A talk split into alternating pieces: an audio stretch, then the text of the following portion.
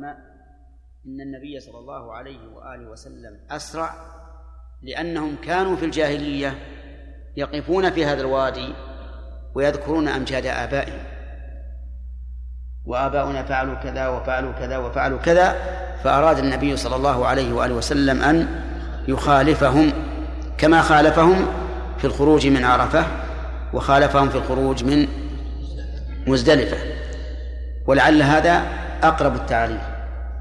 أنه فعل ذلك مخالفة للمشركين الذين يقفون عند في هذا الوادي ليذكروا أمجاد آبائهم. ولهذا قال تعالى فإذا أفضتم من عرفات فاذكروا الله كذكركم آباءكم أو أشد ذكرا. ثم قال المؤلف أسرع رمية حجر. رمية حجر كيف يمكن قياسه لأن الحجر قد يكون كبيرا فإذا رميت به لم يذهب بعيدا. وقد يكون الرامي ضعيفا فإذا رمى بالحجر الصغير لم يذهب بعيدا. لكنهم يقولون مقدار خمسمائة ذراع. خمسمائة ذراع. خمسمائة ذراع الذراع أظن ثلثين المتر. نعم؟ على هذا التقريب. لكن هل هذا يمكن العمل به الآن؟ نعم. الظاهر أنه لا يمكن لأن الإنسان محبوس محبوس بأرتال السيارات التي لا يمكن أن يتقدم ولا أن يتأخر وربما يحبس في نفس المكان يعجز يعجز أن يمشي. ولكن نقول هذا شيء بغير اختيار الإنسان. ينوي الإنسان بقلبه أنه لو تيسر له أن يسرع لأسرع وإذا علم الله من نيته هذا فإنه قد يثيبه على ما خ... ما فاته من الثواب. يقول وأخذ الحصى أخذ الحصى من أين؟ ظاهر كلام المؤلف أنه يأخذه من وادي محسر أو من بعده لأنه قال فإذا بلغ محسرا أسرع وأخذ. فعلى هذا يأخذه بعد أن يتجاوز محسرا في طريقه والذي يظهر لي من السنة أن الرسول عليه الصلاة والسلام أخذ الحصى من عند. من عند الجمرة لأنه أمر ابن عباس أن يلقط له الحصى وهو واقف يقول للناس بأمثال هؤلاء فرموا ورمى وأما أخذه من مزدلفة فليس بمستحب وإنما استحبه بعض المتقدمين لأجل أن يبدأ بالرمي أي رمي جمرة العقبة من حين أن يصل إلى إلى منى. لأن رمي جمرة العقبة هو تحية منى ويفعل قبل كل شيء.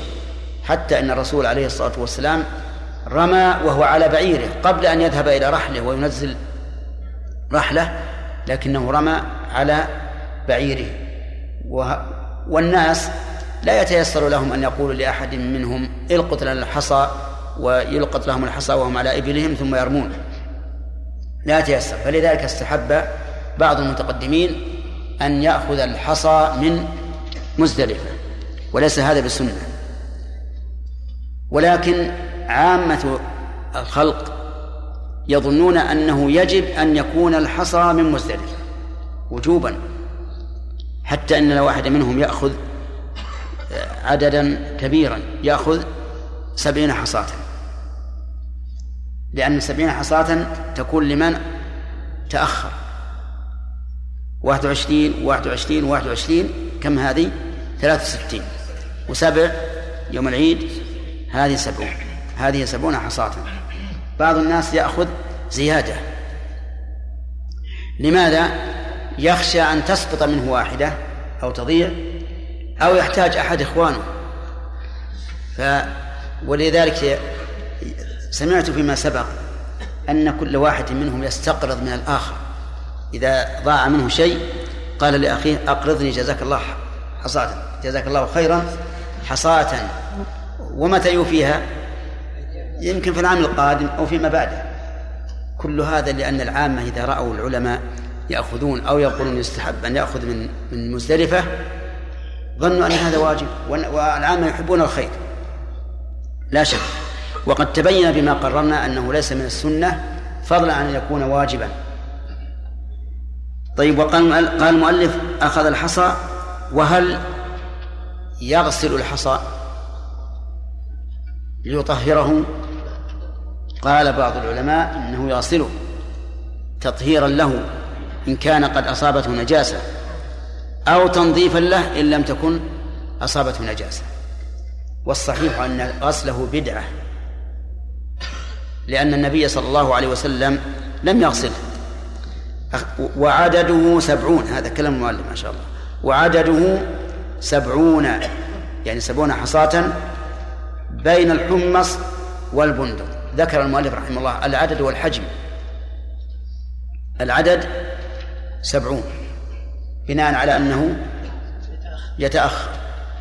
فإن لم يتأخر فأنزل من السبعين واحدا وعشرين تكن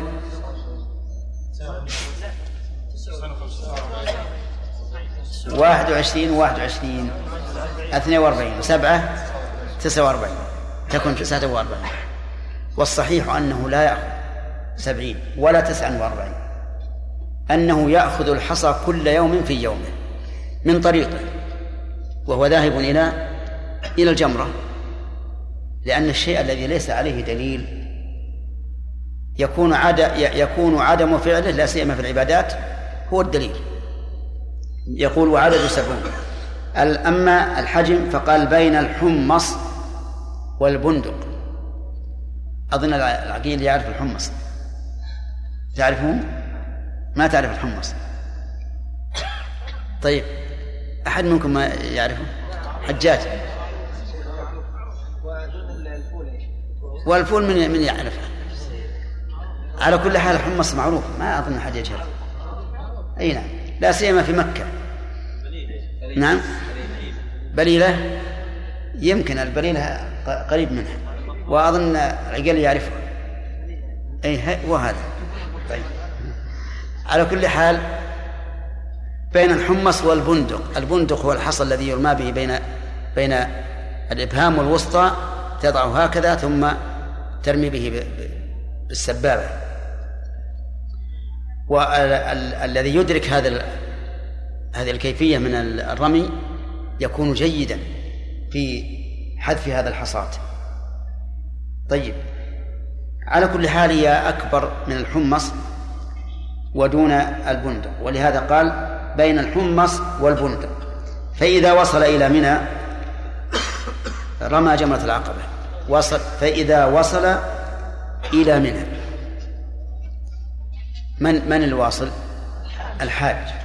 ومنى اسم مكان معروف. وسميت بهذا الاسم لكثرة ما يمنى فيها من الدماء أي يراق من الدماء. وهي من حيث الإعراب مصروفة. فتقول إلى منى لأنها تنصرف. يقول إلى منى فإذا وصل إلى منى وهي من وادي محسر إلى جمرة العقبة. هذا حدها شرقا وغربا. من وادي محسر الذي ذكرنا قبل قليل أنه يسرع فيه إلى جمرة العقبة. آخر الجمرات. الوادي منها أو لا؟ ظاهر كلام ظاهر كلام المؤلف حسب دلالة من أنها منها. أنه منها أنه منها وليس كذلك. أما جمرة العقبة فليست منها لأنه قال إلى جمرة العقبة والمعروف في معاني الحروف أن ابتداء الغاية داخل لا انتهاؤها. لكن إذا كانت المسألة من باب الحد فإن ابتداء الغاية وانتهاءها لا يدخلان. فإذا قلت لك من هذه الأرض من كذا إلى كذا فالحد لا يدخل في المحدود لا ابتداء ولا انتهاء. وبهذا يتقرر أن وادي محسر ليس من من منى وأن جمرة العقبة ليست من منى. هذا من الشرق والغرب لكن من الشمال والجنوب. كيف نحدها قال العلماء كل الجبال الكبيرة كل وجوه كل وجوهها التي إلى منى من منى. كل كل سفوح الجبال ووجوهها التي تتجه إلى منى كلها من منى. وبناء على هذا تكون منى واسعة واسعة جدا. وتحمل الحاج لو أنها نظمت تنظيما تاما مبنيا على العدل لوسعت الناس. لكن يحصل فيها الظلم يحصل فيها الظلم. تجد بعض الناس يتخذ مكانا واسعا يسع أكثر من حاجته عشر مرات أو عشرين مرة. وهنا مشكلة في الوقت الحاضر يقول بعض الناس أنا لا أجد أرضا في ميناء إلا بأجرة. يبذلون إلى عشرين ألف ثلاثين ألف سبعين ألف. فهل يجوز أن يستأجر أرضا في ميناء الجواب نعم يجوز. والإثم على المؤجر الذي أخذ المال بغير حق. أما المستأجر ماذا يصنع ماذا يصنع؟ ولهذا قال فقهاء الحنابلة رحمهم الله لا يجوز تأجير بيوت مكة. ولكن إذا لم يجد بيتا إلا بأجرة بذل الأجرة والإثم على صاحب البيت. وهذه المسألة تذكر في البيوع وليس هذا موضع ذكرها لكن ذكرتها استطرادا أما بيوت منى فلا شك أنه لا يجوز تأجيرها أبدا ولا أرض منى لأن منى مشعر محدود محصور. فأين يذهب الناس إذا استولى عليها من يقول أنا لا لا أنزل فيها الناس إلا بأجرة؟ أما مكة يمكن الإنسان ينزل بعيدا ولا يهم. لكن منى وعرفة مزدلفة مشاعر كالمساجد. لا يجوز لأحد إطلاقا أن يبني فيها بناء ويؤجره ولا أن يختط أرضا ويؤجرها فإن فعل فالناس معذورون يبذلون الأجرة والإثم على صاحب على الذي أخذه. الإثم على الذي أخذه. يقول فرماها فرماها بسبع حصيات متعاقبات. سبع حصيات. ولماذا اختيرت السبع؟ اقتداء بمن؟ برسول الله صلى الله عليه وآله وسلم لأنه رماها بسبع حصيات. أما لماذا لم تكن خمسا أو ثلاثا أو تسعا أو إحدى عشرة حصاة؟ فهذا ليس لنا الحق في أن نتكلم فيه. كما أنه ليس لنا الحق بأن نقول لماذا كانت الصلوات الخمس سبعة عشرة ركعة؟ لماذا لم تكن الظهر ستا والعصر ستا والعشاء ستا مثلا؟ نقول هذا لا تدركه عقولنا وليس لنا فيه إلا مجرد التعبد. طيب بسبع حسات متعاقبات. معنى متعاقبات يا أحمد؟ إيش؟ وراء بعض. يعني واحدة بعد الأخرى صحيح. وقول المؤلف رماها. يفهم منه أنه لو وضع الحصى وضعا فإنه لا يجزئه بل لا بد من الرمي حذف. أما لو أخذ الحصاة ووضعها هكذا هذا لا ينفع. وقوله رحمه الله متعاقبات لو أنه من شدة الزحام رمى السبع جميعا ما ماذا يجزئه؟ واحدة فقط تجزئه واحدة. وقول المؤلف بسبع حصيات متعاقبات ظاهره أنها متوالية أو أنه لا فرق بين المتوالية والمتفرقة. فيه احتمال أنها أنه يجوز أن تكون متوالية ويجوز أن تكون متفرقة لكنها عبادة واحدة والأصل في العبادة الواحدة المكونة من عدد أن تكون متوالية. يقول رحمه الله يرفع يده اليمنى حتى يرى بياض إبطه ويكبر مع كل حصاة.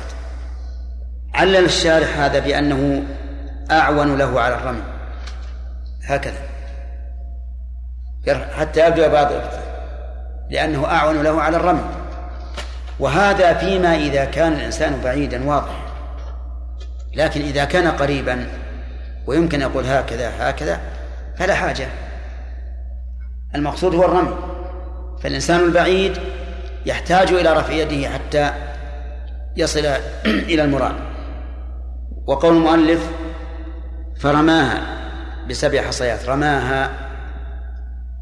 قد يفهم من هذا الكلام أنه لا بد أن يرمي الشاخص العمود القائم ولكنه غير مراد.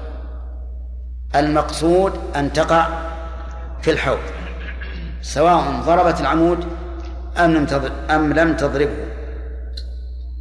ويكبر مع كل حصاة كلما رمى قال الله أكبر. مع كل حصاة وبهذا نعرف الحكمة من الرمي من رمي الجمرات. الحكمة هو تعظيم الله عز وجل. قال النبي عليه الصلاة والسلام إنما جعل الطواف بالبيت وبالصفا والمروة ورمي الجمار لإقامة ذكر الله.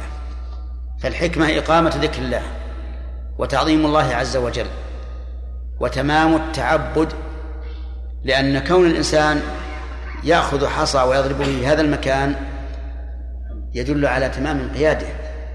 إذ أن النفوس قد لا تنقاد للشيء إلا بعد أن تعرف المعنى الذي من أجله شرع. لكن كونك تأتي وترمي هذه الحصيات في هذا المكان يدل على تمام الذل والتعبد لله عز وجل. وأما ما يذكر أن الرمي هنا إغاظة للشيطان فإن هذا لا أصل له صحيح عن النبي صلى الله عليه وسلم. بل النبي عليه الصلاة والسلام بين أن الحكمة هو إقامة ذكر الله عز وجل. وعلى المفهوم الذي ذكرنا أنه من أجل الشيطان صار بعض العامة إذا أقبل على الجمرة يقبل بانفعال شديد وغضب شديد محمر العينين منتفخ الشعر.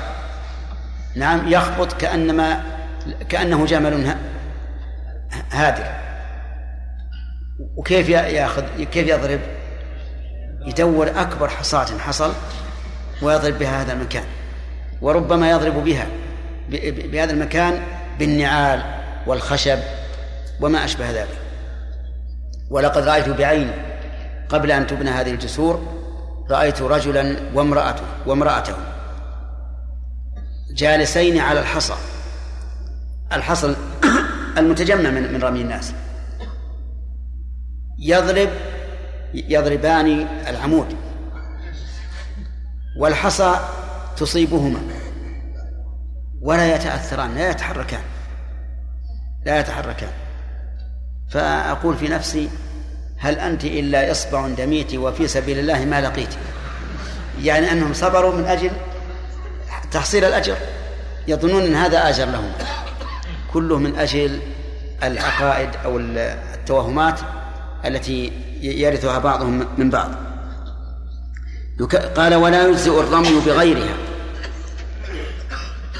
بغير إيش؟ بغير الحصى. حتى ولو كان ثمينا. عندي بالشرح يقول كجوهر كجوهر وذهب ومعادن يعني لو رميت بدل الحصاة الحصى دنانير. فإنه لا يجزي لأن المسألة تعبدية. لو رميت بجوهر لو رميت بالماس لو رميت بالحديد لو رميت بالخشب بأي شيء فإنه لا يجزي إلا بالحجر. طيب لو رميت بمدر الطين المجبن اليابس فإنه لا يجزي. وهنا نسأل هل يجوز أن يرمي بما بكسر بكسر الإسمنت؟ يوجد مثلا عند آه، محل محل الصبات اسمنت يوجد كسر من الإسمنت. هل يجوز أن يرمي بها؟ لا لأن هذه ليست احجارا لكن يوجد في هذه المكان في هذه الأمكنة يوجد حصى أحجار مختلطة بالإسمنت يمكن يرمي بها. قال ولا يجزئ ولا يجزئ الرمي بغيرها. ولا بها ثانية. يعني ولا يجزئ الرمي بها ثانية. يعني لا ترمي بحصاة الرمي بها. لماذا؟ قاسوه على أصل. قالوا لأن الماء المستعمل في الطهارة الواجبة لا يرفع الحدث. الماء المستعمل في الطهارة الواجبة لا يرفع الحدث. هذه حصاة مستعملة في عبادة واجبة مرمي وهو الرمي. فلا يجوز أن ترمي بها. ثانيا كما لا يجوز أن تتوضأ بالماء المستعمل. هذه واحدة وعللوا بتعليل آخر. قالوا لأنه لأن العبد إذا أعتق في كفارة لم يجز إعتاقه مرة أخرى. مرة أخرى. ونحن نقول كلا التعليلين عليل. أما الأول فإنه قاس مختلفا فيه على مختلف فيه. لأن لأن بعض العلماء يقول إن الحصاة المرمية بها مجزئة وهذا مذهب الشافعي رحمه الله. فنقول أن تقس شيئا مختلفا فيه على شيء مختلف فيه. والقياس لا بد فيه من أن يتفق الطرفان على حكم الأصل لأجل أن يلزم أحدهما الآخر بما يقتضيه القياس. أما إذا قال أنا لا أسلم أنا لا أسلم أن الماء المستعمل لا يرفع الحدث. أقول الماء المستعمل يرفع الحدث. وحينئذ إذا بطل الأصل المقيس عليه بطل المقيس. هذه واحدة. وأما الرقبة فنقول إن العبد إذا أعتق صار صار حرا. يعني زال عنه وصف العبودية. ولهذا لو قدر أن هذا العبد ذهب إلى الكفار ثم حاربنا ثم سبيناه مرة ثانية عاد رقيقا وجاز أن يعتق في الكفارة. جاز أن يعتق في الكفارة. إذن القول الراجح أن الحصاة المرمية بها مجزئة. وهذا مع كونه هو الصحيح أرفق بالناس. لأنه أحيانا تسقط منك الحصاة وأنت عند الحوض وتتحرج أن تأخذ من من ما من ما مما تحت قدمك. فإذا قلنا بالقول الراجح أنها تجزي ولو كانت مرميا بها أمكن الإنسان أن يأخذ من تحت قدمه ويرمي. لكن أورد على هذا على هذا القول أورد إيراد لننظر معكم كيف نتخلص من هذا الإيراد. قالوا هذا القول يستلزم أن يجزئ الحجيج كلهم حصاة واحدة. أن يجزئ الحجيج كلهم حصاة واحدة. يعني يجي واحد يرمي بحصاة ثم يأخذه ويرمي به ويأخذه ويرمي يأخذه ويرمي كم هذه؟ إلى السبع إلى السبع. والآخر ينتظر. فبعد ما ينتهي يأخذ ويرمي والثالث ينتظر. نعم. وإذا قدرنا أن مليون مسلم بيرمي نعم. على كل حال أورد يعني شيخ العلماء رحمهم الله أورد هذا الإيراد. قل يلزم على قولكم أن يجزئ الحجيج كلهم حصاة واحدة. قلنا نحن نلتزم بهذا لكن من يبي يفعل؟ أحد من الناس بيقعد ينتظر الثاني حتى يكمل سبع مرات يعيد الحصاة ثم الثالث والرابع إلى إلى مليون نفر. هذا لا يمكن. فالإيراد الذي لا ي... الذي تنفر الطباع منه ولا ت... ولا تقبله لا ليس بإيراد في الواقع. لكن الذي يحتاج الناس إليه في في أصلنا هذا هو أنه أحيانا تسقط منك منك الحصاة وأنت قريبا من الحوض وأنت قريب من الحوض وتحتاج إلى أن تأخذ من تحت قدمك وترمي به. نقول لا بأس. افعل ولا حرج. ولا يجزئ الرمي بغيره ولا بها ثانيا ولا يقف. إيش معنى لا يقف؟ لا يقف بعد رمي الجمرة لا يقف للدعاء. ينصرف إلى المنحر كما فعل النبي صلى الله عليه وسلم. هذه الدعوة التامة. والصلاة القائمة آت محمد الوسيلة والفضيلة. وبعثه مقام محمود الذي وعدته. إنك لا تغفر الميعاد. اللهم اغفر لي الإخوان يقولون البندق نبات أو ثمر. يؤكل. قاله عبد الرحمن رستم وحجاج بن ابن آه نعم. فلا ندري. نعم. طيب طيب على كل حال يرجع إليها يرجع إليها تأتينا إن شاء الله غدا بشيء منه للاطلاع عليه. ها؟ وش أقول؟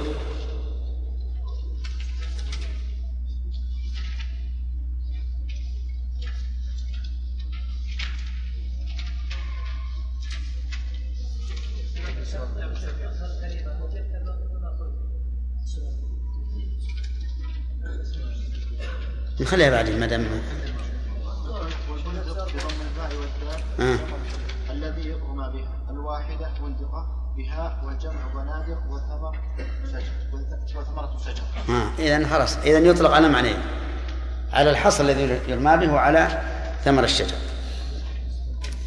ثم قال المؤلف رحمه الله ولا يقف ولا يقف يعني لا يقف بعدها للدعاء بل ينصرف إلى المنحر وهنا نسأل من أين يرمي هذه الجمرة؟ أمن الشرق أم من الغرب؟ يرمي من بطن الوادي وكانت الجمرة وأنا أدركتها كانت في ظهر جبل. لاصقة بجبل لكن جبل ليس بالرفيع. فيه عقبة ولهذا تسمى جمرة العقبة. يصعد الناس منه وكان تحتها وادي شعيب يمشي. فالنبي عليه الصلاة والسلام رمى من بطن الوادي ولم يصعد على الجبل فيرمي من, من فوق. إذا رمى من بطن الوادي تكون مكة عن يساره ومنى عن يمينه. وقد فعل ذلك عبد الله بن مسعود رضي الله عنه وقال هذا مقام الذي أنزلت عليه سورة البقرة. فيرمي من بطن الوادي يجعل مكة عن يساره ومنى عن يمينه. وهذا إن تيسر. وفي عهدنا في الوقت الحاضر قد يكون صعبا. وقد ذكرنا القاعدة التي التي تعتبر قاعدة نافعة. أن أن أن مراعاة ذات العبادة أولى من مراعاة مكانها. فإذا كان إذا أتاها مثلا من الشمال الآن ما في عقبة ولا في جبل. إذا أتاها من الشمال يكون أيسر له فليكن من الشمال. المهم أن نقول ارمها الآن من أي مكان يكون أيسر لك. المهم أن تؤديها بخشوع واستحضار أنك في عبادة وتكبر الله عز وجل. ثم قال المؤلف ويقطع التلبية قبلها. يقطع التلبية قبلها لأنه ثبت عن النبي صلى الله عليه وسلم أنه كان يلبي حتى رمى جمرة العقبة. ذكرناه طيب. ويقطع التلبية قبلها. عندي بالشرح لقول الفضل بن عباس رضي الله عنهما أن النبي صلى الله عليه وسلم لم يزل يلبي حتى رمى جمرة العقبة. ومن حين أن يبدأ يقطع التلبية لأنه إذا بدأ آه، سن له ذكر آخر وهو إيش؟ التكبير. قال ويرمي بعد طلوع الشمس. يرمي الفاعل الحاج. يرمي بعد طلوع الشمس هذا هو الأفضل لأن النبي صلى الله عليه وآله وسلم رمى بعد طلوع الشمس. ويجزئ ويجزئ بعد نصف الليل. بعد نصف الليل من إيه؟ من ليلة النحر. وظاهر كلام المؤلف أنه يجزئ مطلقا للقوي والضعيف والذكر والأنثى وسبق بيان ذلك. وأن وأنه لا يدفع أحد من من مزدلفة إلا بعد أن يصلي الفجر ما لم يكن ضعيفا أو صاحب إلا ضعيف ومع ذلك لو دفع فإنه لا يأثم والمسألة من باب الأفضلية. قال المؤلف ويجزئ بعد نصف الليل ثم ينحر هديا إن كان معه.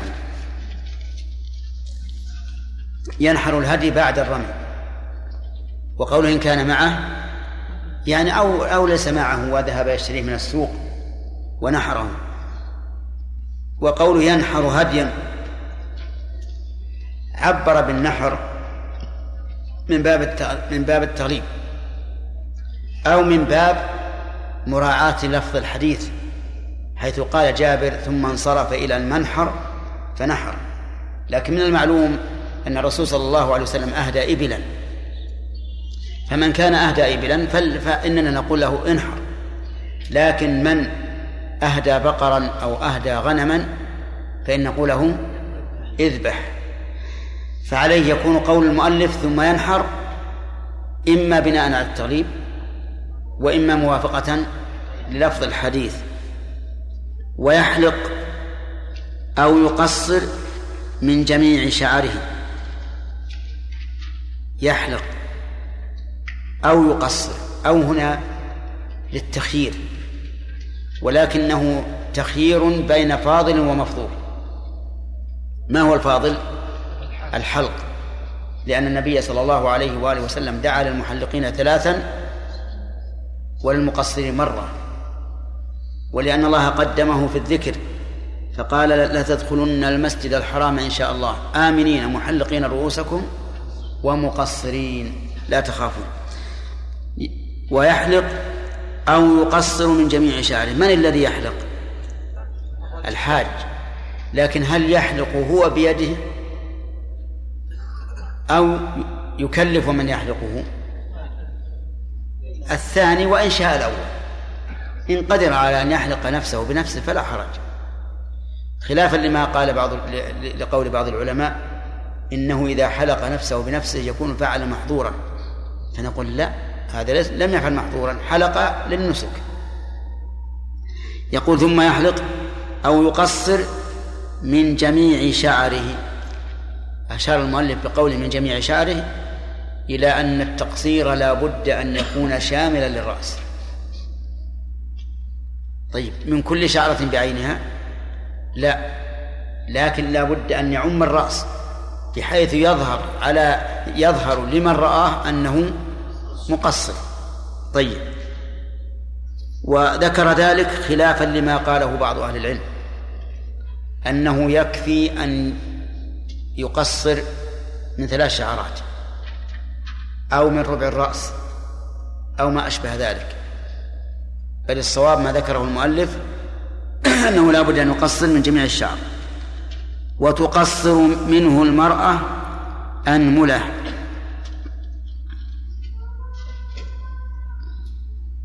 المرأة تقصر أنملة. كيف أنملة؟ عندكم قدر؟ طيب. تقصر المرأة منه قدر أنملة. الأنملة أنملة الأصل. يعني أن المرأة تمسك بضفائر رأسها إن كان لها ضفائر أو بأطرافه إن لم يكن لها ضفائر وتقص بقدر أنملة. وقدر أنملة بالتقدير الأخير هذا كم من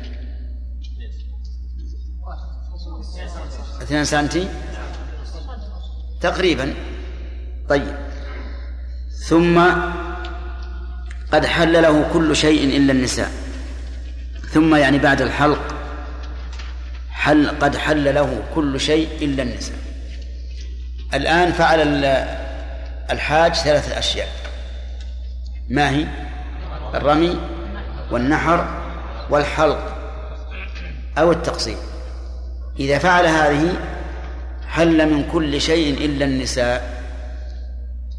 كل شيء يعني المحظورات. التسعة يحل منها إلا النساء. إلا النساء وطئا ومباشرة وعقدا. هذا هو المشهور من المذهب. وقيل وطئا ومباشرة لا عقدا وخطبة وأنه يجوز العقد ويتجوز الخطبة بعد التحلل الأول. فعلى المذهب لو أن أحد من الناس رمى ونحر وحلق ثم تزوج قبل أن يطوف بالبيت فالنكاح محرم وغير صحيح. وهذا ربما يقع في غير هذه الصورة التي ذكرت. ربما يطوف الإنسان طواف الإفاضة على وجه لا يجزئه ثم يرجع إلى بلده ويتزوج في هذه المدة قبل أن يصحح خطأه في الطواف. فعلى المذهب يكون النكاح غير صحيح وتلزمه إعادة العقد. وعلى القول الثاني وهو اختيار شيخ الإسلام ابن تيمية رحمه الله وهو الصحيح يجوز عقد النكاح بعد التحلل الأول ويصح. وقوله رحمه الله ثم قد حل له كل شيء ظاهره أنه لا يحل بمجرد الرمي. وهذه المسألة فيها خلاف بين أهل العلم. فمنهم من قال إنه يحل بالرمي أي رمي جمرة العقبة سواء حلق أم لم يحلق. واستدلوا لذلك بأن الإنسان يقطع التلبية إذا شرع في الرمي وهذا يعني أن نسكه انتهى. وبأن أن وبأنه ورد عن النبي عليه الصلاة والسلام تعليق الحل بالحلق فقط. دون نعم بالرمي فقط. تعليق الحل بالرمي فقط. ولكن الذي يظهر لي أنه لا يمكن أن يحل إلا بعد الرمي والحلق. لقول عائشة رضي الله عنها كنت أطيب النبي صلى الله عليه وسلم لإحرامه قبل أن يحرم ولحله قبل أن يطوف بالبيت. ولو كان يحل بالرمي لقالت ولحله قبل أن يحلق.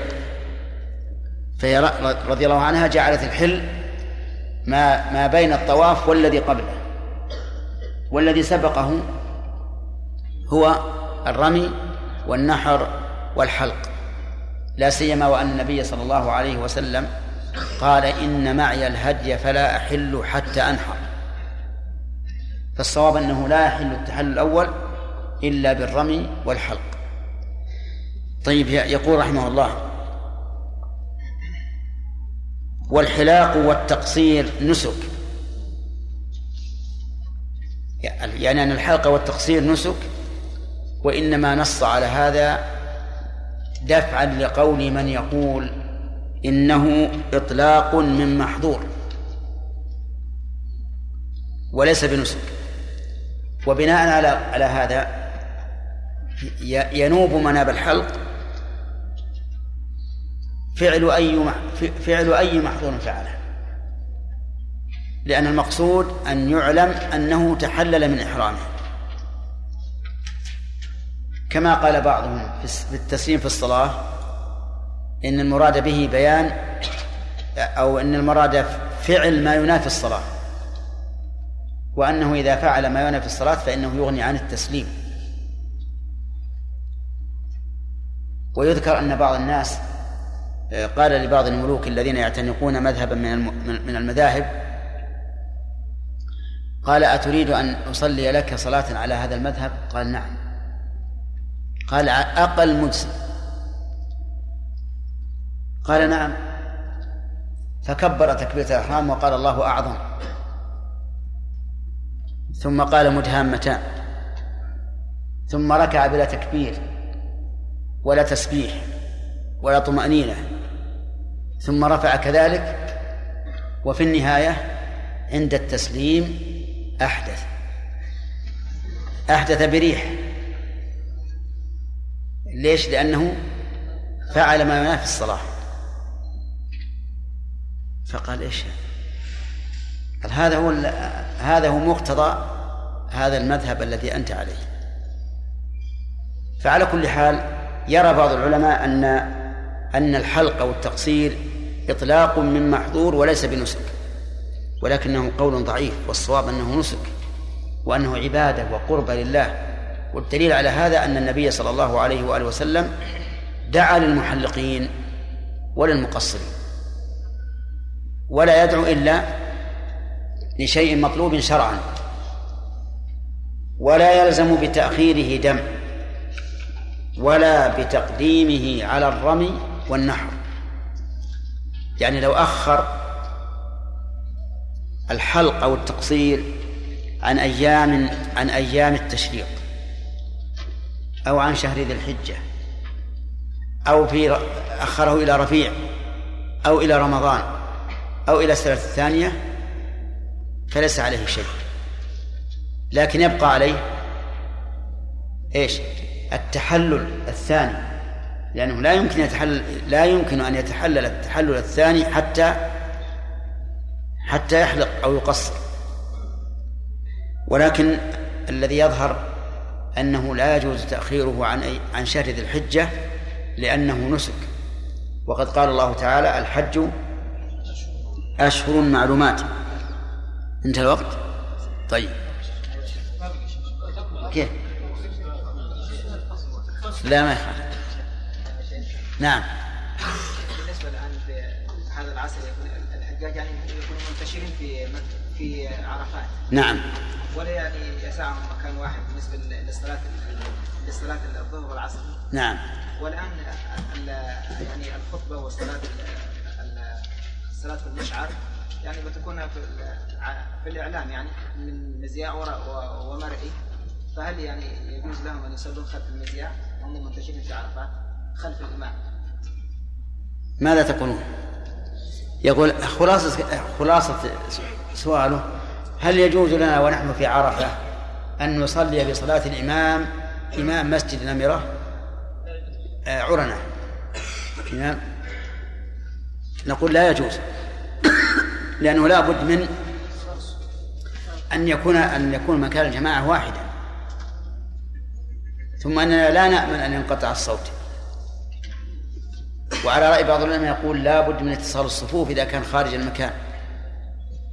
ولو فتحنا هذا الباب لفتحنا على أنفسنا شيئا لا يمكننا دفعه. لقال الناس في نبقى في بيوتنا في يوم الجمعة. ونصلي الجمعة خلف إمام أفضل من إمام مكانه أفضل من مكان إمامنا. ما هو؟ الحرم. وهذه مشكل ولهذا الذي نرى أنه يجب سد هذا الباب. ونقول من كان من كان متصلا مع الناس مثل الذي يكون حول المسجد مسجد عرنة فليصلي مع الناس. أما البعيد فلا. خالد. الله إليكم. ذكرتم بأن الإنسان إذا قدم بأن رمي جمرة العقبة هي تحية منى. إيش؟ ذكرتم بأن رمي جمرة العقبة هي تحية منى. نعم. وذكرتم أيضا بأن جمرة العقبة ليست من منى فكيف يكون الرمي تحية لها وهي ليست من منى؟ أي تحية لها زمنا لا مكانا. بمعنى أنه يبدأ به قبل كل شيء. لكن تحية الشيء ليست مكانا هذه إذا وصلت منها وإن كان هذا ليس منها. نعم. بلى لكن تحية المسجد للمسجد. أما هذه فتحية منى يعني تحية النزول في منى. والإنسان إذا رمى سوف ينزل بمنى. والعلماء نصوا على هذا على أن جمرة العقبة ليست من منى. نعم. ناصر؟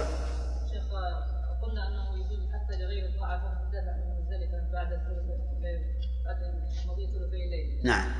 لكن شيخ النبي صلى الله عليه وسلم إنما رخص والرخصة لا تقوم إلا إي نعم. لكن في وقتنا الحاضر الآن. في مشقة على كل أحد. حتى الإنسان القوي يلحقه مشقة عظيمة. فبناء على هذا نقول لا بأس.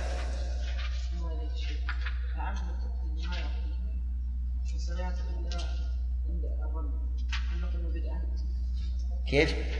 ما ياخذ الحصيات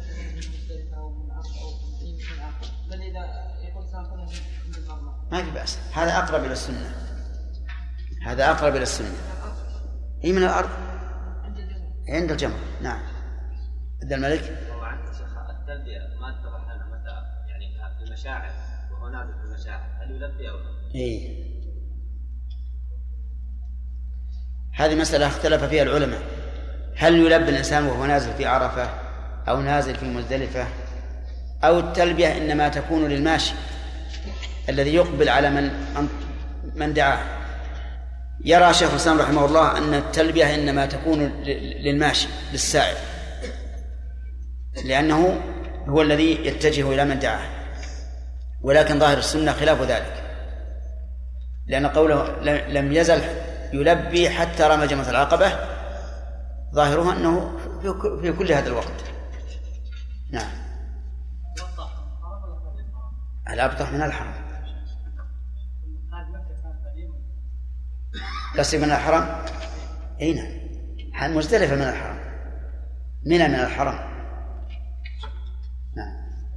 قلنا أن المكي إذا أراد العمرة خرج من الحلم واستدلنا لذلك بحديث عائشة. نعم. وقلنا عائشة أثقية من غير من غير من غير أهل مكة نعم. فكيف يتم الاستدلال؟ واضح. أليس الآفاقي إذا أحرم بالحج يحرم من مكة؟ طيب. ولكن المكي والآفاقي إذا أحرموا بالحج من مكة دخلوا تحت العموم. زين. ومن كان دون ذلك ومن كان ومن كان دون ذلك فمن حيث أنشأ. لكن ألا يمكن أن أن يكون العموم يخصص؟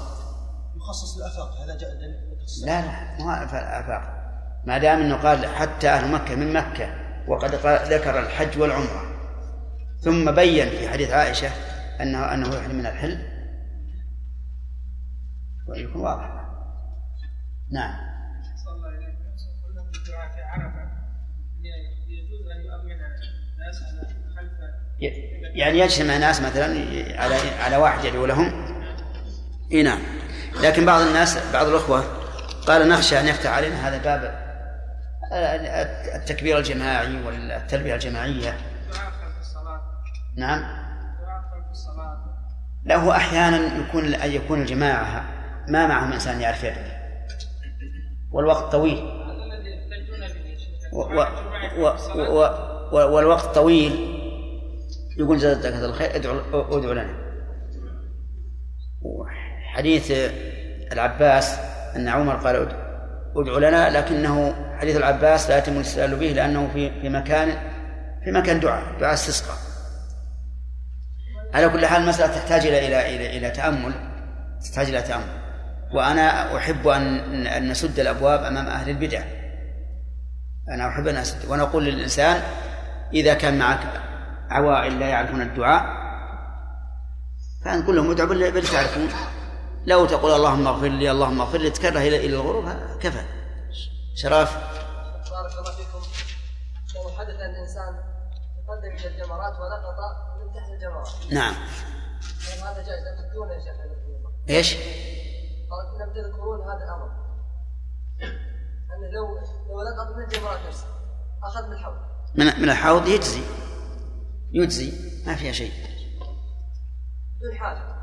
بدون حاجة. لكن الغالب إن اللي يصل إلى المكان يكون في حاجة. لأنه لو نزل رأسه يبي بيأخذ يمكن يدعس. نعم. في عرفة. والمشاعر الذين يخرجون من أهل مكة للتجارة هل يصلون قصر قصر وجمع في عرفة؟ إيه. سمعتم السؤال؟ يقول إذا خرج أهل مكة مع الحجاج للتجارة هل يقصرون ويجمعون أو لا؟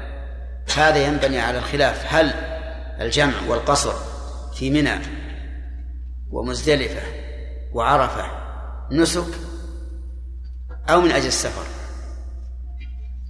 يرى بعض العلماء أنه نسك. وهذا ما وهذا رأي من يرى أنه لا يجوز الجمع إلا في عرفة ومزدلفة. ويرى آخرون أنه آه، للسفر. وأن السفر ما تعارف الناس عليه.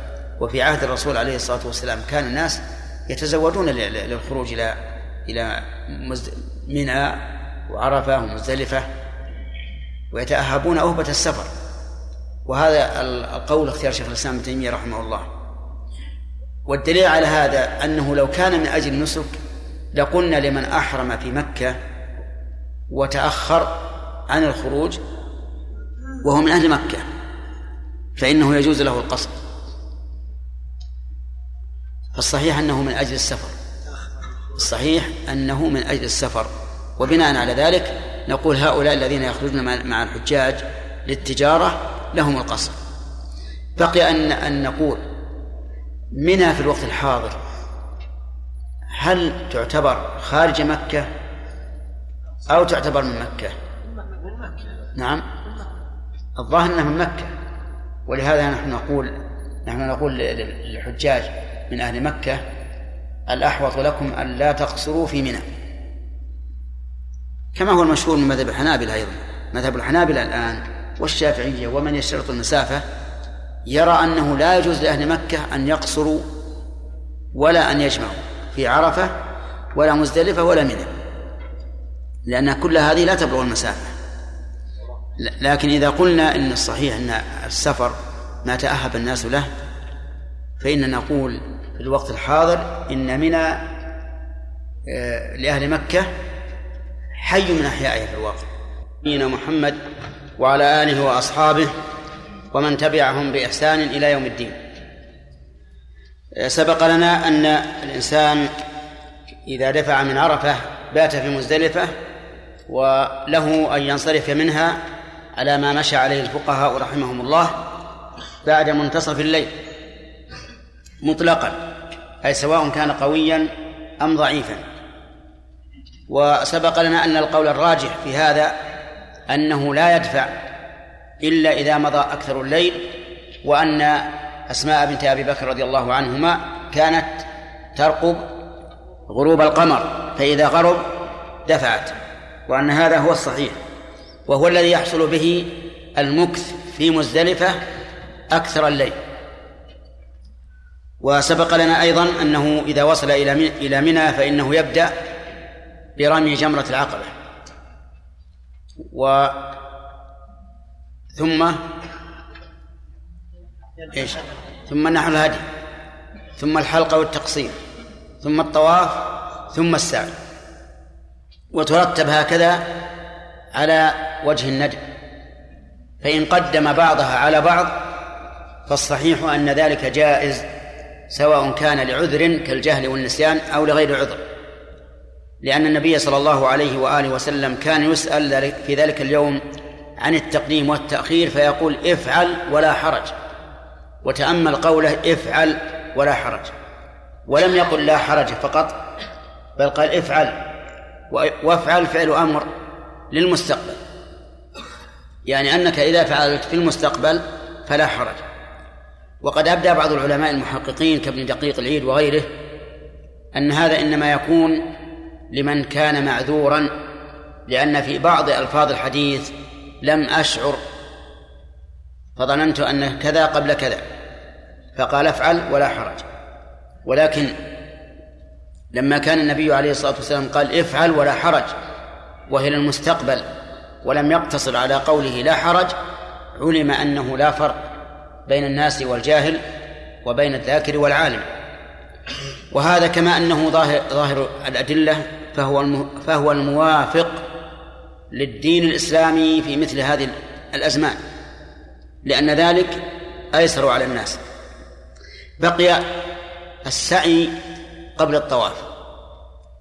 فإن من العلماء من أنكر هذا وقال لا يمكن السعي قبل الطواف لأن الله قال ثم ليقضوا تفثهم وليوفوا نذورهم وليطوفوا بالبيت العتيق. فالطواف لا يمكن أن يتقدمه السعي. فمنهم من طعن في صحة الرواية سعيت قبل أن أطوف. ومنهم من قال المراد بذلك سعي الحج لمن كان قارنا أو مفردا. فأما الأول فالحديث صحيح ولا مطعن فيه. وأما الثاني فإن هذا الرجل لم يسأل عن سعي سبق منذ أيام إنما سأل عن سعي حصل في ذلك اليوم. ولا يصح أن نقول إن هذا السعي إن هذا السعي الذي يكون الذي كان بعد طواف القدوم لأن ظاهر حال السائل لا تقتضي هذا. وسبق لنا أنه يحل أنه يحصل التحلل الأول إذا رمى وحلق أو قصر. وأن النحر لا علاقة له بالتحلل. ولكن الفقهاء رحمهم الله توسعوا وقالوا يحصل التحلل الأول بفعل اثنين من ثلاثة. بفعل اثنين من ثلاثة. وهي الرمي والحلق والطواف. قالوا إذا رمى وطاف حل التحلل الأول. إذا حلق وطاف حل التحلل الأول. إذا رمى وحلق حل التحلل الأول. إذا المهم إذا فعل اثنين من ثلاثة. والسنة إنما جاءت بالرمي وحده أو بالرمي والحلق. ولكنهم قالوا إذا كان الطواف مؤثرا في التحلل الثاني فإنه يكون مؤثرا في التحلل الأول. وذلك أن الإنسان إذا رمى وحلق وطاف حل التحلل الثاني فإن كان متمتعا فيحل التحلل الثاني بعد السعي. وإن كان قارنا أو مفردا ولم يكن ساعة مع طواف القدوم فكذلك. فلهذا ألحقوا الطواف بالرمي والحلق. وقالوا إذا فعل اثنين من ثلاثة. نعم. وسبق لنا أن القول الراجح أن الحلق والتقصير إطلاق من محظور. آه. نسك. نعم أنه نسك وليس إطلاقا من محظور. والدليل على ذلك أن النبي صلى الله عليه وآله وسلم دعا للمحلقين والمقصرين والدعاء لا يكون إلا على فعل مأمور به وإذا كان مأمورا به فهو نسك. وسبق لنا أن المذهب يرون أنه لا بأس من تأخيره ولو سنوات لكنه يبقى على التحلل الأول فقط مو على إحرامه يبقى على التحلل الأول فقط فلا يحل له النساء. على القول بأنه لا بد للتحلل الأول من الحلقة والتقصير ولكن الذي يترجح لي أنه لا يجوز تأخيره عن شهر ذي الحجة لقول الله تعالى الحج أشهر معلومات.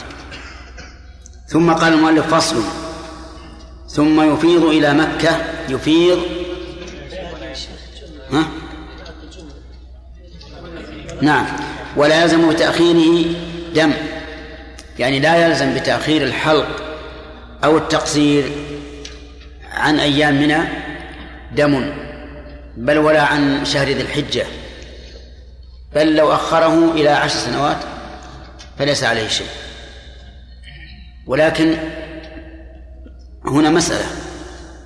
لو كان جاهلا لو كان جاهلا أنه يجب الحلق أو التقصير ثم ذكر أو ثم علم فإن نقول احلق وقصر الآن ولا حرج عليك فيما فعلت من المحظورات قبل ذلك لأنك فعلتها جاهلا. قال ولا بتقديمه على الرمي والنحر. يعني ولا يلزم بتقديم الحلق أو التقصير على الرمي والنحر دم. بل له أن يقدمه على الرمي والنحر وليس عليه شيء. وقد سبق البحث في هذه المسألة وبينا أدلة ذلك من سنة الرسول صلى الله عليه وآله وسلم. ثم قال فصل ثم يفيض إلى مكة. يفيض مأخوذ من فاض الماء يعني يفيض الحاج أو الحجيج يفيضون إلى مكة أي ينزلون من منى إلى مكة. ومتى هذا؟ في ضحى يوم النحر لأن النبي صلى الله عليه وآله وسلم أفاض إليها في الضحى. ويطوف القارن والمفرد بنية الفريضة طواف الزيارة. يطوف المفرد والقارن. بنية الفريضة طواف الزيارة. نعم. يطوف المفرد والقارن بنية الفريضة طواف الزيارة. أفادنا المؤلف رحمه الله أن هذا الطواف فرض لقوله بنية الفريضة وأنه لا بد من نيته وأنه فرض. وسبق الخلاف في هذه المسألة وبينا أن الطواف والسعي والرمي وما أشبهه كلها تعتبر أجزاء من عبادة واحدة وأن النية في أولها كاف عن النية في بقية أجزائها لأن هذه العبادة الحج عبادة مكونة أو مركبة من هذه الأجزاء فإذا نوى في أولها أجزأ عن الجميع كما لو نوى الصلاة من أولها. وأفادنا في قوله يطوف المفرد والقارن. أن المتمتع لا يطوف وليس كذلك وإنما أراد رحمه الله بالنص على المفرد والقارن دفع ما قيل إن المفرد والقارن يطوفان للقدوم أولا إذا لم يكونا دخلا مكة من قبل ثم يطوفان للزيارة فيلزمهما على هذا طوافان. الطواف الأول للقدوم بشرط أن لا يكون دخلها من قبل والثاني للزيارة. كيف لم يكون دخلها من قبل؟ هل يمكن هذا؟ هل يمكن للقارن والمفرد أن لا يكون دخل مكة قبل طواف الإفاضة؟ نعم يمكن. لأنه من من من الجائز لهما شرعا أن يذهب من الميقات رأسا إلى منى أو إلى عرفة بخلاف المتمتع. المتمتع لا لا يتأتى في حقه ذلك لأن المتمتع لا بد أن يدخل مكة ويتم عمرته. فأراد المؤلف بالنص على المفرد والقارن دفع ما قيل من أنهما يطوفان للقدوم أولا إذا لم يكونا دخل مكة ثم للزيارة. وما ذهب إليه المؤلف رحمه الله هو الصواب بل هو المتعين. وذلك أنه اجتمع عند المفرد والقارن اللذين لم يدخلا مكة من قبل اجتمع لديهما طواف قدوم وطواف فرض. طواف قدوم وطواف فرض. فاكتفي بطواف الفرض عن طواف القدوم كما لو دخل الإنسان المسجد وقد أقيمت الصلاة أو لم تقم وأراد أن يصلي الفريضة فإن ذلك يجزئ عن تحية المسجد. والقياس هنا في غاية الوضوح قياس جلي واضح. ثم إنه لم ينقل عن النبي عليه الصلاة والسلام وأصحابه أن أحدا منهم طاف مرتين في يوم العيد. مع أن بعض أصحابه لم يكون دخل لم يكن دخل مكة. مثل عروة بن مضرس فإنه لم يدخل مكة من قبل وعلى هذا فالصواب ما ذهب إليه المؤلف.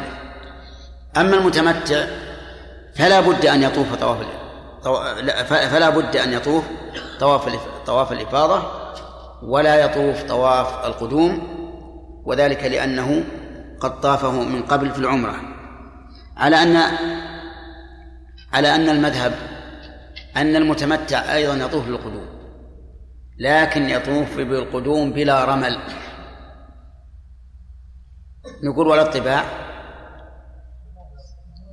لا ما لا نقول ولا الطباع لأنه قد حل ولبس ثيابه لبس قميصه لكن بلا رمل والصواب خلاف ذلك وأنه لا طواف للقدوم لا في حق المفرد والقارن مطلقا ولا في حق المتمتع كذلك.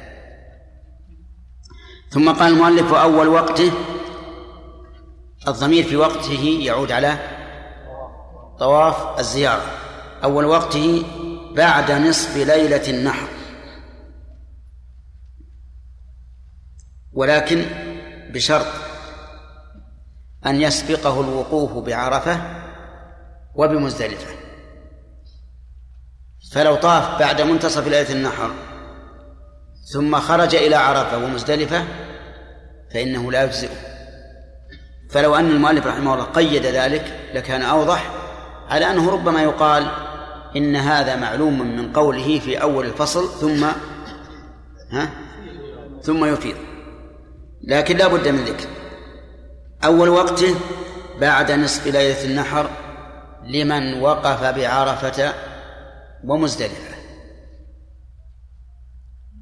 لقول الله تبارك وتعالى ثم ليقضوا تفثهم وليوفوا نذورهم وليطوفوا بالبيت العتيق ولا يمكن قضاء التفث ووفاء النذور إلا بعد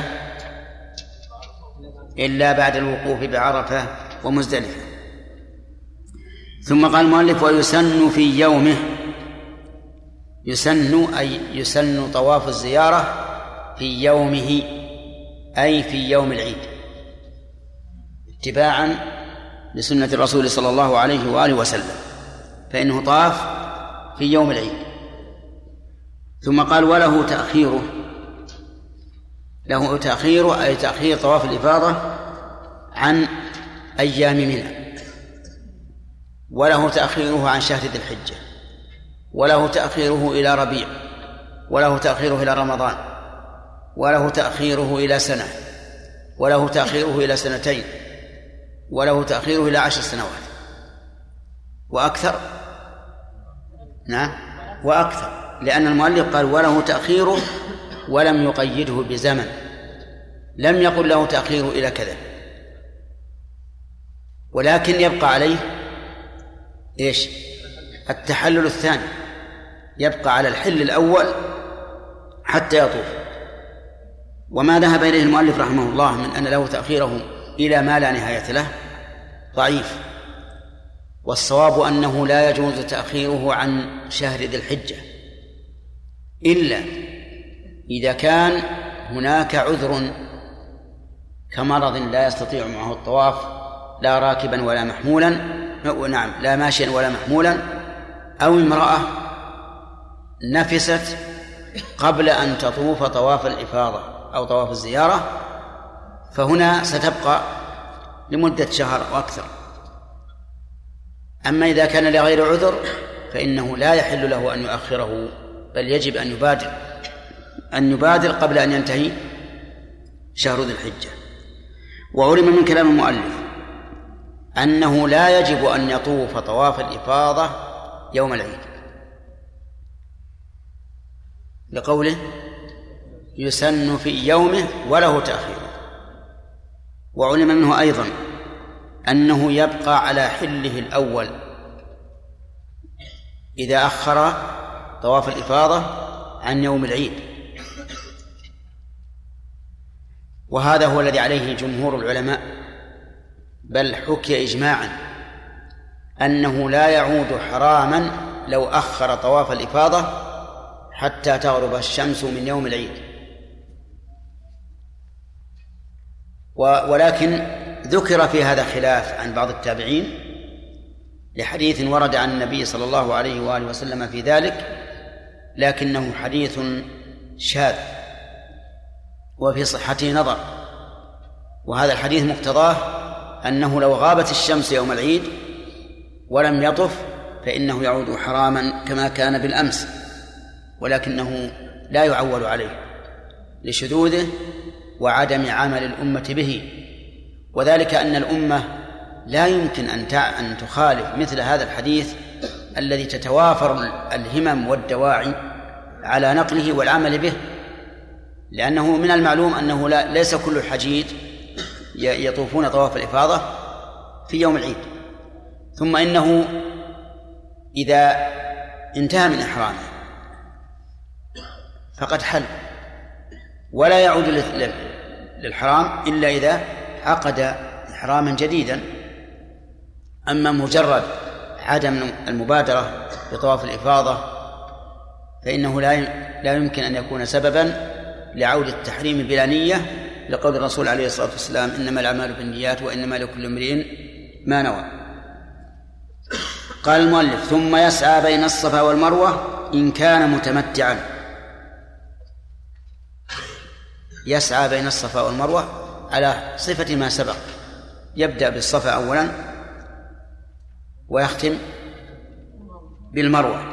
إن كان متمتعا ومن المتمتع؟ عقيل. من المتمتع؟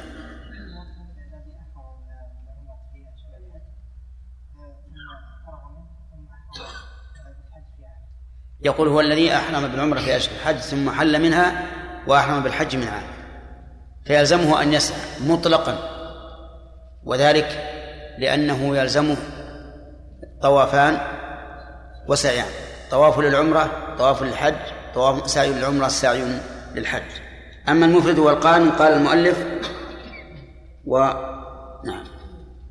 أو كان غيره أي غير متمتع وهو المفرد والقارن ولم يكن سعى مع طواف القدوم.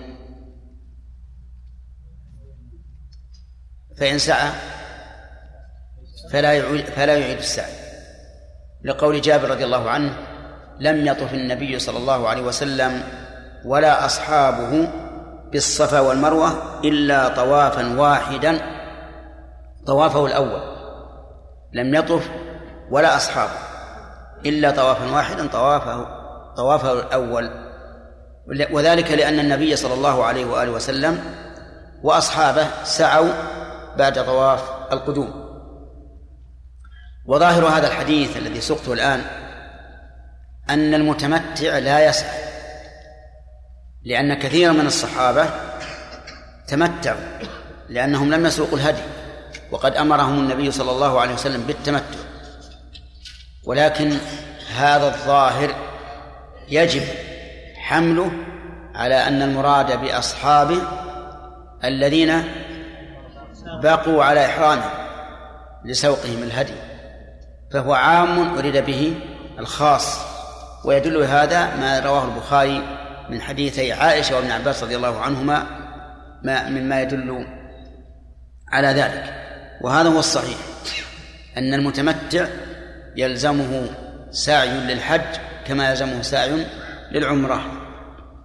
يقول ولم يكن سعى مع طواف القدوم فهمنا من من قول المؤلف ولم يكن سعى مع طواف القدوم يعني غير المتمتع أن القارن والمفرد يجوز لهما أن يقدما سعي الحج بعد طواف القدوم ويجوز أن يؤخره كل هذا جائز. ولكن أيهما أفضل؟ الأفضل والله أعلم أن يقدم بعد طواف القدوم لأن النبي صلى الله عليه وآله وسلم قدمه. على أنه قد يقول قائل أنا أنازع في هذا الدليل لأن النبي صلى الله عليه وآله وسلم قدمه ليعلم أصحابه. وعامة أصحابه يحتاجون إلى السعي لأنهم تمتعوا.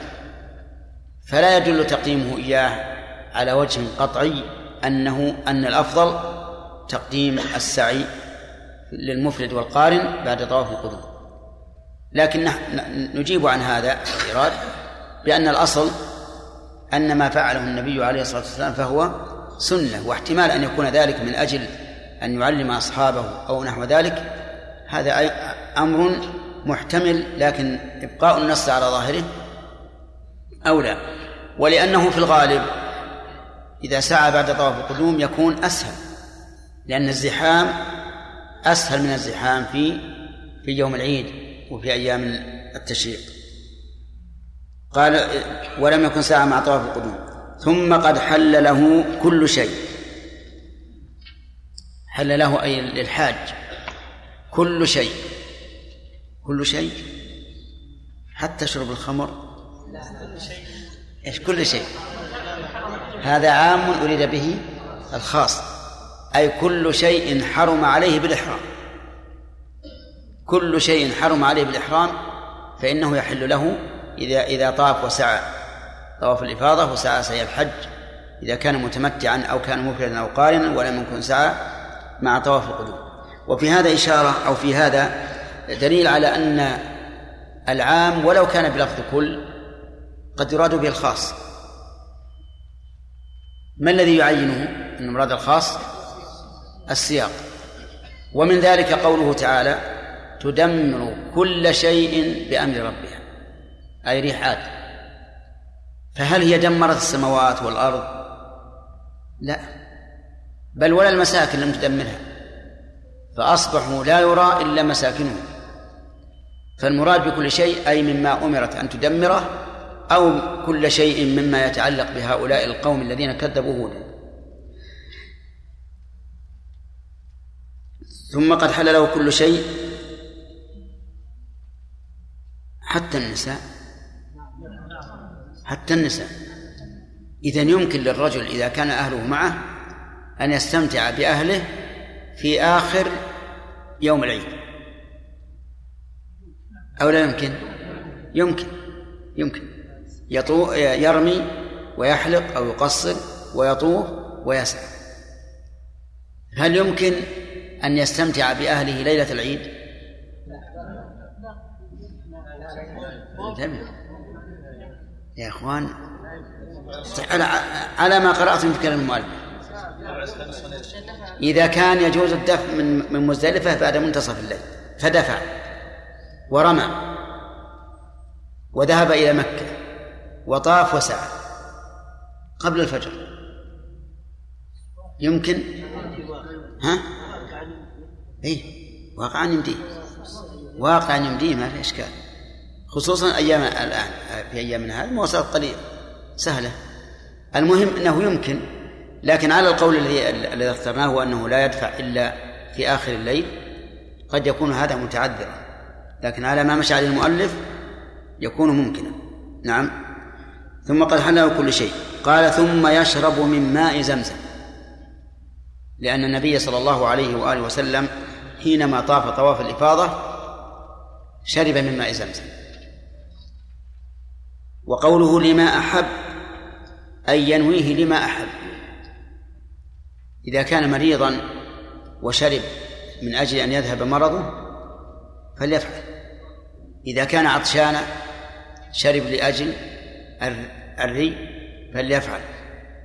إذا كان كثير النسيان فشرب ليقوى حفظه نعم فليفعل. نعم. وقد فعل ذلك بعض المحدثين لقول النبي صلى الله عليه وآله وسلم ماء زمزم لما شرب له والحديث حسن. ماء زمزم لما شرب له.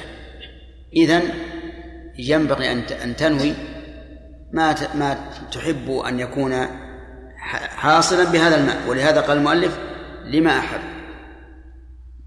قال ويتضلع منه. يتضلع منه. ما معنى يتضلع؟ أي يملأ بطنه حتى يمتلئ ما بين أضلاعه. لأن هذا الماء خير. وقد ورد حديث لكن فيه فيه نظر أن آية ما بين الإيمان والنفاق التضلع من ماء زمزم. وذلك لأن ماء زمزم ليس عذبا حلوا بل هو يميل إلى الملوحة. و والإنسان المؤمن لا يشرب من هذا الماء الذي يميل إلى الملوحة إلا إيمانا به إلا إيمانا بما فيه من البركة فيكون التضلع منه دليلا على الإيمان.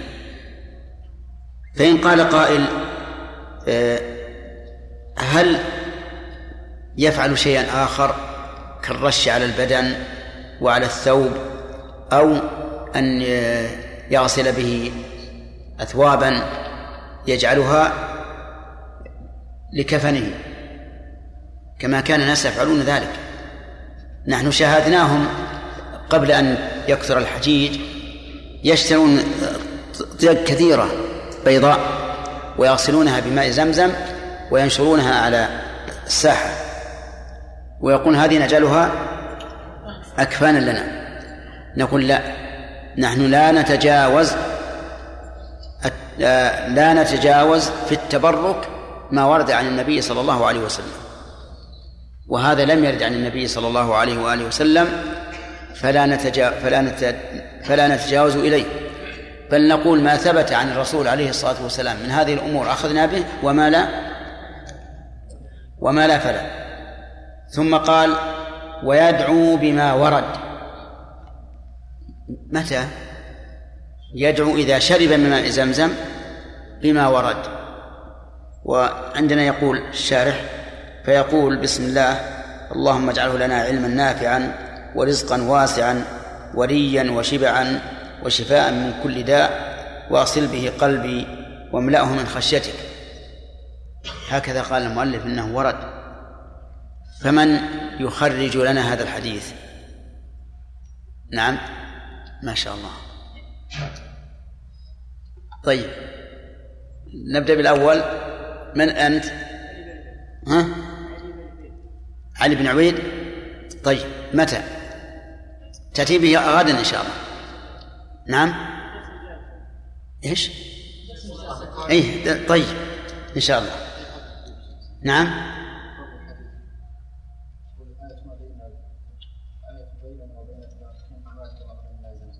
نعم. ما هي عند- عندك؟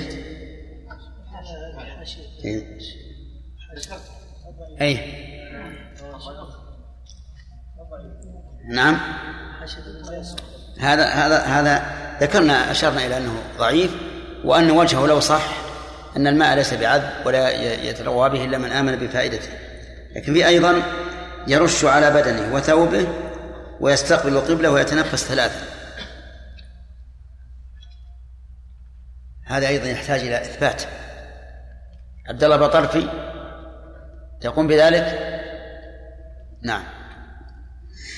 ثم قال المؤلف ف ثم يرجع فيبيت بمنى ثلاثة ليال. يرجع متى؟ ثم يرجع من مكة بعد أن يطوف ويسعى. يرجع فيبيت بمنى ثلاث ليال. هذا إن تأخر. وإن تعجل فليلتين. ما هما الليالي الثلاث؟ الحادي عشرة والثانية عشرة والثالثة عشرة. هذا إن تأخر. وإن تعجل فالحادية عشرة والثانية عشرة. فيرمي الجمرات. فيرمي الجمرة الأولى. متى؟ بعد الزوال وسيذكر المؤلف. الجمرة الأولى وتلي مسجد الخيف بسبع حصيات متعاقبات ويجعلها عن يساره ويتأخر قليلا ثم الوسطى ويدعو طويلا ثم الوسطى مثلها ثم جمرة العقبة. صفة الرمي على المذهب يقول رحمه الله يرمي الجمرة الأولى التي تلي مسجد الخير وتسمى الجمرة الصغرى.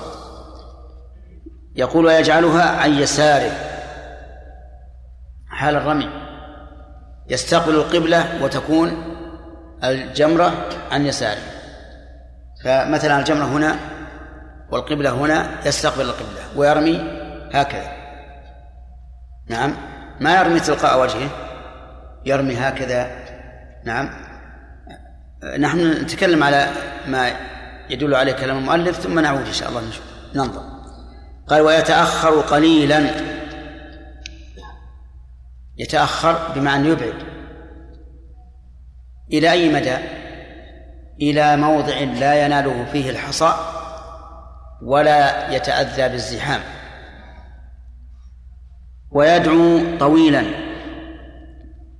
يستقبل القبلة ويدعو دعاء طويلا. وقد ورد عن النبي عليه الصلاة والسلام أنه بقدر سورة البقرة. وعلى هذا فيطيل الدعاء. مستقبل القبلة رافعا يديه.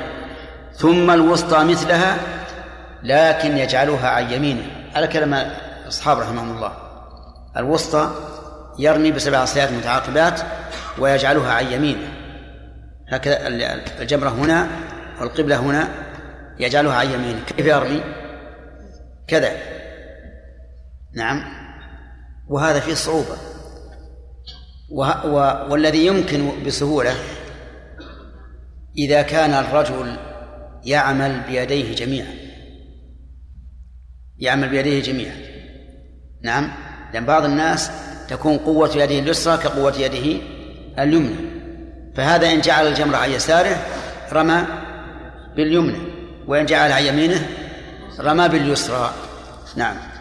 ثم ثم جمرة العقبة ويجعلها عن يمينه ويستبطن الوادي ولا يقف عنده. نعم. جمرة العقبة يرميها بسبع حسات متعاقبات. ويستقبل القبلة ويرمي من بطن الوادي ويجعلها عن يمينه. كيف كيف يفعل؟ كالوسطى. يجعلها يمينه والقبلة أمامه ويرمي هكذا ولكن الصحيح خلاف ما قال المؤلف. الصحيح أنه يرمي مستقبل القبلة في الأولى والوسطى والجمرة بين يديه. وما ذكره من الصفة فهي أولا لا دليل عليها والثاني أن فيها صعوبة والثالث أنها في وقتنا غير ممكنة غير ممكن عسى أن يحصل للإنسان أن يرمي الجمرة تلقاء وجهه. فالصواب أنه يرمي الجمرة ولو كان في سعة تلقاء وجهه مستقبل القبلة الأولى والوسطى. أما الثانية فيرميها مستقبل الجمرة وتكون الكعبة عن يساره ومنا عن يمينه لأن عبد الله بن مسعود رضي الله عنه رماها كذلك وقال هذا مقام الذي أنزلت عليه سورة البقرة يعني رسول الله صلى الله عليه وآله وسلم. وحينئذ يستثنى من استقبال القبلة في رمي الجمرات جمرة العقبة. يجعل الكعبة عن يساره ومنا عن يمينه ويستقبل الجمرة.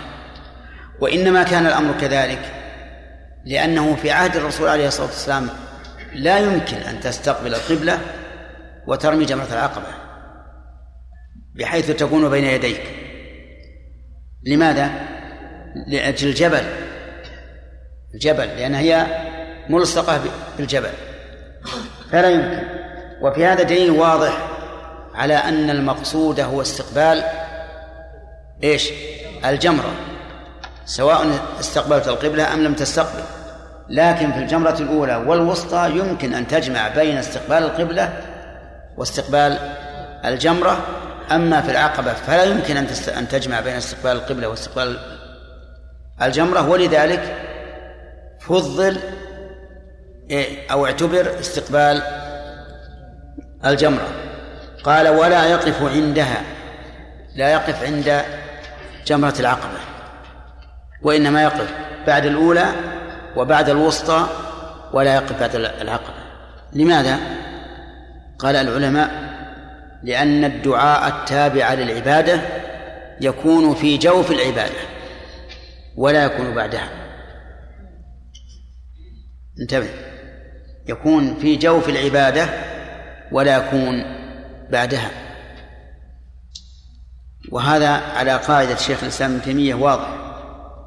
ولهذا يرى أن الإنسان إذا أراد أن يدعو في الصلاة فليدعو قبل أن يسلم لا بعد أن يسلم لا في الفريضة ولا في النافلة. وقد سبق لنا بيان هذا. وبه نعرف أيضا أن الدعاء على الصفا والمروة يكون في أول الأشواط لا في آخرها. فيكون آخر شوط على المروة ليس فيه دعاء. لأنه انتهى انتهى السعي. ولا دعاء بعده. وإنما يكون الدعاء في مقدمة الشوط كما كان التكبير أيضا في الطواف في مقدمة الشوط. وعليه فإذا انتهى من السعي عند المروة ينصرف. إذا انتهى من الطواف عند الحجر ينصرف. ولا حاجة إلى التقبيل أو الاستلام أو الإشارة. قال المؤلف مستقبل القبلة لا قبله. في كل يوم من أيام التشريق يفعل هذا يفعل هذا. في كل يوم من أيام التشريق بعد الزوال مستقبل القبلة مرتبا في كل يوم من أيام التشريق. واليوم من طلوع الفجر إلى غروب الشمس أو من طلوع الشمس إلى غروب الشمس. لكنه ليس كل اليوم بل يقول المؤلف بعد الزوال بعد الزوال وعليه يكون وقت الرمي. من زوال الشمس إلى غروبها. فلا يجزئ الرمي قبل الزوال ولا يجزئ بعد الغروب لأن ذلك خارج عن اليوم.